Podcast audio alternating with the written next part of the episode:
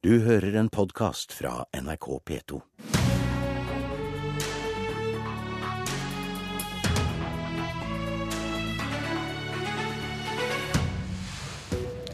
Den som vet hvordan pølser og poseavgifter blir til, får aldri mer en rolig natts søvn.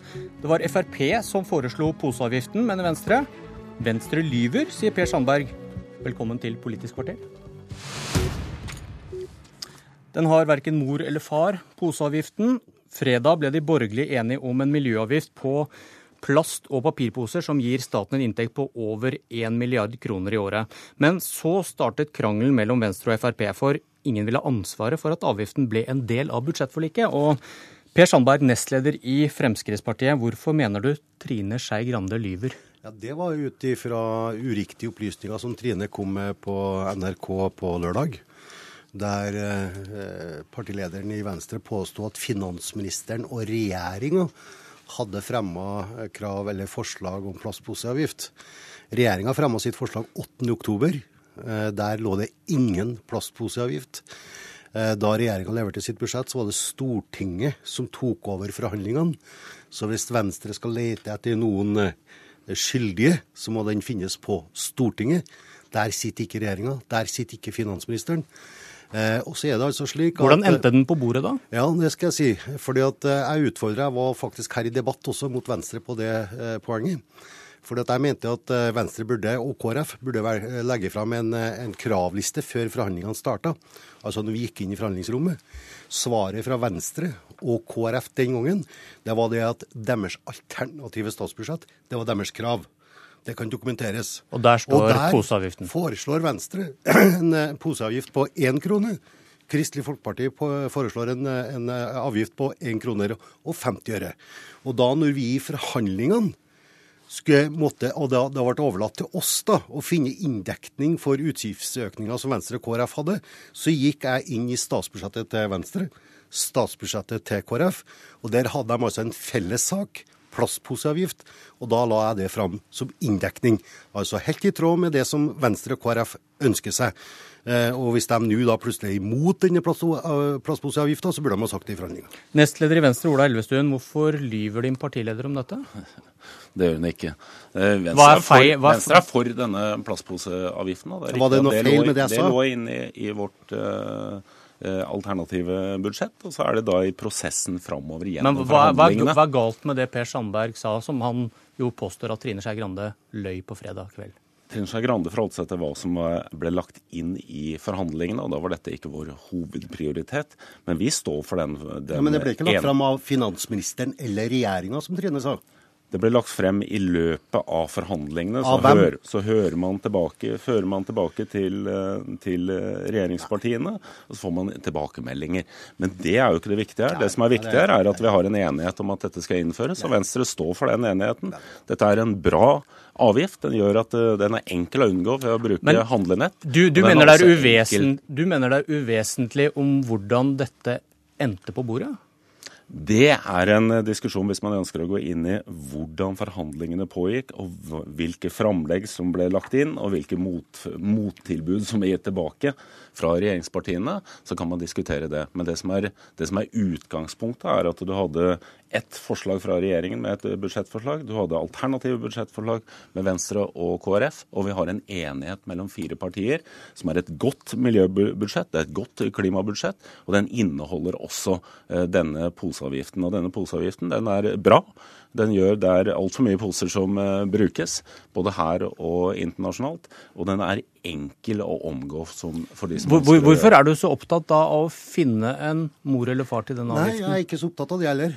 Men uh, ikke, Du virker veldig opptatt av det. Nei, ikke, ikke i hele tatt. At jeg er invitert hit, eh, invitert hit til Politisk kvarter, det setter jeg pris på. For at vi, uh, det, jeg er helt enig med Elvesund. jeg. Det vesentlige er, det, er ikke hvem og hvordan dette kom til, men når Venstre prøver å legge skylda, eller ansvaret, på finansminister og regjering for liksom å løpe bort ifra sine egne forslag, forslag det syns jeg må kommenteres. Så syns jeg så respekt av. Elvestuen står oppreist for denne plastposeavgiften. Det er Venstre og KrF som har foreslått den. Og så syns jeg da, og også jeg er helt enig med Elvestuen altså, det er over 1200 milliarder her. Eh, og jeg tror faktisk at det budsjettet som ble lagt fram 8.10, eh, og det er jeg ikke redd for å si heller, på enkelte punkter faktisk har blitt noe bedre. Men så er det enkelte områder som jeg mener, og Fremskrittspartiet mener, har blitt litt dårligere. Blant annet så har vi fått uh, Eh, eh, ytterligere eh, avgiftsreduksjoner på bil, noe som Fremskrittspartiet syns er veldig bra. Vi har fått øka belønningsordninger på gang- og sykkelsti, veldig bra. Så det er ting her som også Fremskrittspartiet setter pris på. Men, men, men man må ikke begynne å drive og, og, og legge skyld på Fremskrittspartiet i forhold til å fremme litt latterlige avgiftsøkninger. Det virker som om alle de fire borgerlige partiene nå er enige om at man må se på hvordan disse forhandlingene forløp for å gjøre det bedre neste gang. Eh, og Elvestuen, er det et læringspunkt at hvis man ikke prioriterer, så må andre gjøre det for deg? Nei, her sånn har du jo fire partier som står for en helhetlig budsjettforslag. og vi har i høyeste grad... Ja, men Nå snakket vi om prosessen her, og Hvis ikke har... dere leverer en kravliste, så må Per Sandberg gjøre prioriteringene for deg? Vi har et alternativt budsjett, og vi har også vårt, vårt alternative budsjett. og Vi har selvfølgelig i denne prosessen lagt frem ulike lister, og det vet man veldig godt. Sitter du i en forhandling, så setter du ned noen gjerdestolper på hver side, og så begynner man å flytte seg i forhold til det for å nærme seg.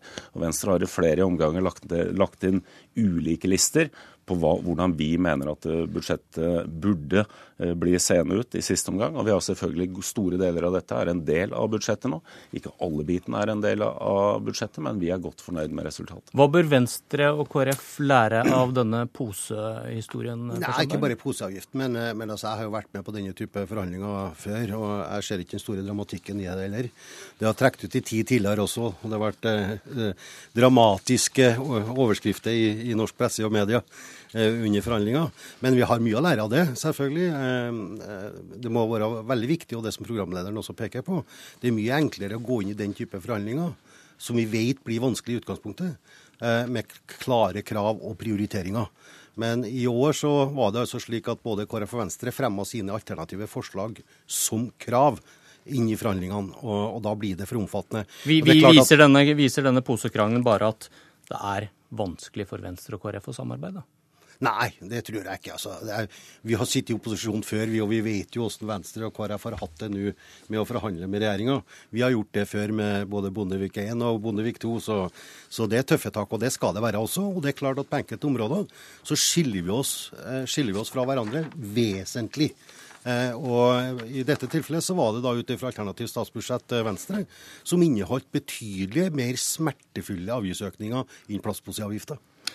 Jeg vet ikke om vi er noe nærmere en mor eller en far, og så får vi se om lytterne og seerne klarer å sove om natta.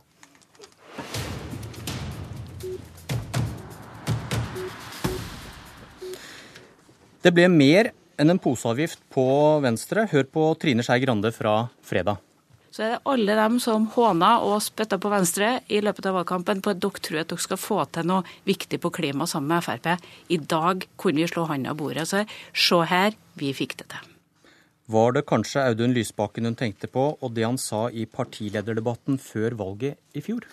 De har et problem. Det er ikke det de står for, men, men Siv Jensen. De skal altså ha inn i regjering et parti som har et pågående internt seminar om klimaendringene fins eller ikke. Det syns jeg er uansvarlig. Uansvarlig SV-leder Audun Lysbakken, vil du trekke tilbake det du sa, nå når du ser hva Venstre har fått til med Siv Jensen på klima? Nei, det syns jeg ikke det er noen uh, grunn til. Uh, men jeg skal være uh, raus mot Venstre først og si at budsjettet har blitt bedre av at Venstre har hatt sin hånd på det. jeg det hører dere er rause både etter fredag og nå, men det var ikke det dere sa før valget? Jo, det vi sa var at vi kommer ikke til å greie å nå klimamålene våre hvis vi satte Fremskrittspartiet i førersetet. Og det som er Problemet synes jeg, med eh, miljødebatten i Norge ofte er jo at de små partiene skal krangle med hverandre, selv om vi vil det samme. Men, men denne debatten blir nødvendig når Venstre overselger det de får til med Fremskrittspartiet på den måten de gjorde på fredag. Fordi det er riktig at budsjettet ble grønnere, men det er jo fortsatt ikke noe grønt budsjett. Det er bra eh, at vi har fått til gode endringer på bilavgifter på drivstoff knyttet til bio f.eks., og det vil jeg gratulere Venstre med.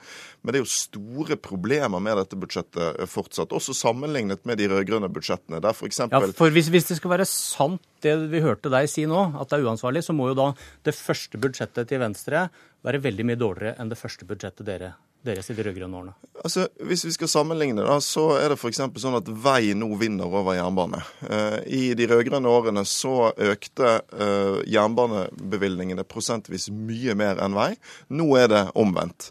Hvis eh, dette budsjettet skulle vært et virkelig grønt budsjett, så skulle vi hatt store økninger til sykkel. Istedenfor er det et reelt kutt i bevilgninger til sykkelvei på riksvei. Og med dette budsjettet så ligger nå det borgerlige flertallet ca. 1 milliard kroner etter der de burde vært hvis de skulle fulgt Nasjonal transportplan på kollektivtrafikk til storbyene. Sånn at dette er ikke et budsjett som setter oss på kurs mot å nå klimamålene i 2020. Eh, Og jeg mener Venstre har gjort en, en god jobb etter forholdene, men jeg syns de later som om dette er et mye bedre budsjett for klima og miljø enn det det reelt sett er, og det tjener ikke miljøsaken. Ola Elvestuen, nestleder i Venstre. Det hadde vært mye bedre med en rød-grønn regjering. Det sto stille i åtte år med en rød-grønn regjering. Så det viktigste vi har gjort for klimaet, er jo nettopp å få et skifte, sånn at du har fått en ny dynamikk inn i eh, klimapolitikken i Norge. Og nå har du en økning på jernbanen som gjør at du for første gang så begynner du å ta unna etterslepet som har vokst seg stort gjennom mange tiår. Nå reduseres det. Det har vært en økning i år, og nå øker vi igjen med 500 millioner til neste år. Når det gjelder kollektivtrafikk inn mot de store byene, så er det en økning på 325 millioner fra en milliard. Det er en betydelig økning som gjør at de store byene fortsatt kan klare å ta eh, all trafikkøkning med, med sykkel, gange og kollektivtrafikk. Du har en belønningsordning på sykkel, og så har du et grønt skatteskifte innenfor, eh, innenfor transportsektoren som gjør at nå har vi forsterka satsing på elbiler gjennom at bil med leasing allerede i år også nå kan få eh, nullmoms. Du får nå ladbare hybrider som blir konkurransedyktige på en helt annen måte enn tidligere. Og ved å rette opp de rød-grønnes feil når det gjelder biodrivstoff. Dere- dere bio, biodiesel det- blir nå konkurransedyktig, og biogass blir også konkurransedyktig. Dere har i lange, lange lister begge to, men det viktigste beviset dere vel har eh, slått i bordet med, er at utslippene fra transportsektoren nå går ned for første gang, er deres påstand. Ja, for nå har du en økning i det som er innblandingen av biodrivstoff i den vanlige bensin og diesel. Det kan utgjøre opp mot 200 000 tonn eh, reduksjoner med det salget som vi har i dag. Og så er det den effekten du får over tid gjennom at de ladbare hybridene, gjennom biodrivstoff, gjennom eh, biogass og det vi har gjort tidligere på, på eh, elbiler, vil gi en stor effekt i åra framover. For første gang, stemmer det, Lysbakken? Nei, det stemmer ikke. Det er jo riktig at eh, denne, de vedtakene som her nærmest kommer til å føre til utslippsreduksjoner, og det er veldig bra. Men eh, det er faktisk sånn at utslippene i transportsektoren gikk ned for første gang i 2013, når SV satt i regjering. Og jeg synes bare Det er et eksempel på, det skyldtes jo bl.a. omlegging av bilavgifter, politiske grep som ble tatt under den rød-grønne regjeringen. Men jeg synes bare akkurat det er et godt eksempel på hvordan Venstre farer fram her. fordi at man det tar liksom helt av når en skal forklare hvor, hvor mye de får til. Og, og jeg, Jeg mener lista er ganske imponerende lang bare for å ha- la meg snakke ferdig Elvestuen. Fordi, fordi, fordi uh? Jeg nevnte en del eksempler på ting som var bedre når vi styrte. Men, vi har Men du må sammenligne med det første året, ikke med alternative budsjetter eller åtte år. Men vi har Men aldri, Kan ikke jeg få snakke ferdig? Vi har aldri påstått nemlig at de rød-grønne budsjettene var gode nok til å møte klimautfordringen. Og jeg mener det er viktig at miljøpartiene i den situasjonen vi er i, der vi er små, mens de partiene som ikke bryr seg nok om miljøet er store, er edruelige. Jeg er villig til når som helst det å skryte av det Venstre har fått til, men jeg vil ikke høre på dette oversalget som får det til å høres ut som om dere nærmest har løst hele klimautfordringen med dette budsjettet. For sannheten er vel, Elvestuen, at dette budsjettet gjør ikke at vi er på rute til å nå klimamålene i 2020. Det kan du være enig med meg i. Og da må, må dere ikke kaste blår i øynene på folk. Men det vi gjør, er at du gjør et stort steg i transportsektoren som gjør at du, nå, at du får opp alternative drivstoffene. Det er jo det som er viktig. Og du får opp de alternative bilene. Det er det som er viktig. At de nå har konkurransedyktig på en helt, helt annen måte enn det det har vært tidligere. Og du fortsetter en kollektivsatsing, eller du forsterker en kollektivsatsing. Og i mye mer samarbeid både med by... Jernbanen nå har nå et, et nivå som er patent omtrent som det som man klarer å håndtere i løpet av et år. Og du har et samarbeid med de store byene, uavhengig av hvem som styrer de stående byene. Også viktig. Du, Det er sådd tvil om, eh, om man vil nå Norges klimamål 2020. Det har kommet fra regjeringshold også. Hva sier du med dette budsjettet dere Nei, det har, stått for, det har stått stille med tiltakene i altfor mange år. Nå gjennomføres det store endringer, men for å nå klimamålet i 2020 er veldig vanskelig. Det viser, eh, det viser? Miljødirektoratet sin. Nei, definitivt ikke. Dette er et ett stort steg for å, å ta, for å komme i, i mål med de målsettingene. Det er ikke nok. Og budsjettet er heller ikke nok for å oppnå de målsettingene. Her så må du se på totaliteten i politikken. Det er mange vedtak som skal gjøres på Stortinget, også i, i løpet av de årene som kommer, uavhengig av budsjett, som er nødvendig for å nå klimamålene i 2020. Vår tid har rent ut. Politisk kvarter er slutt. Jeg heter Bjørn Myklebust. Du har hørt en podkast fra NRK P2.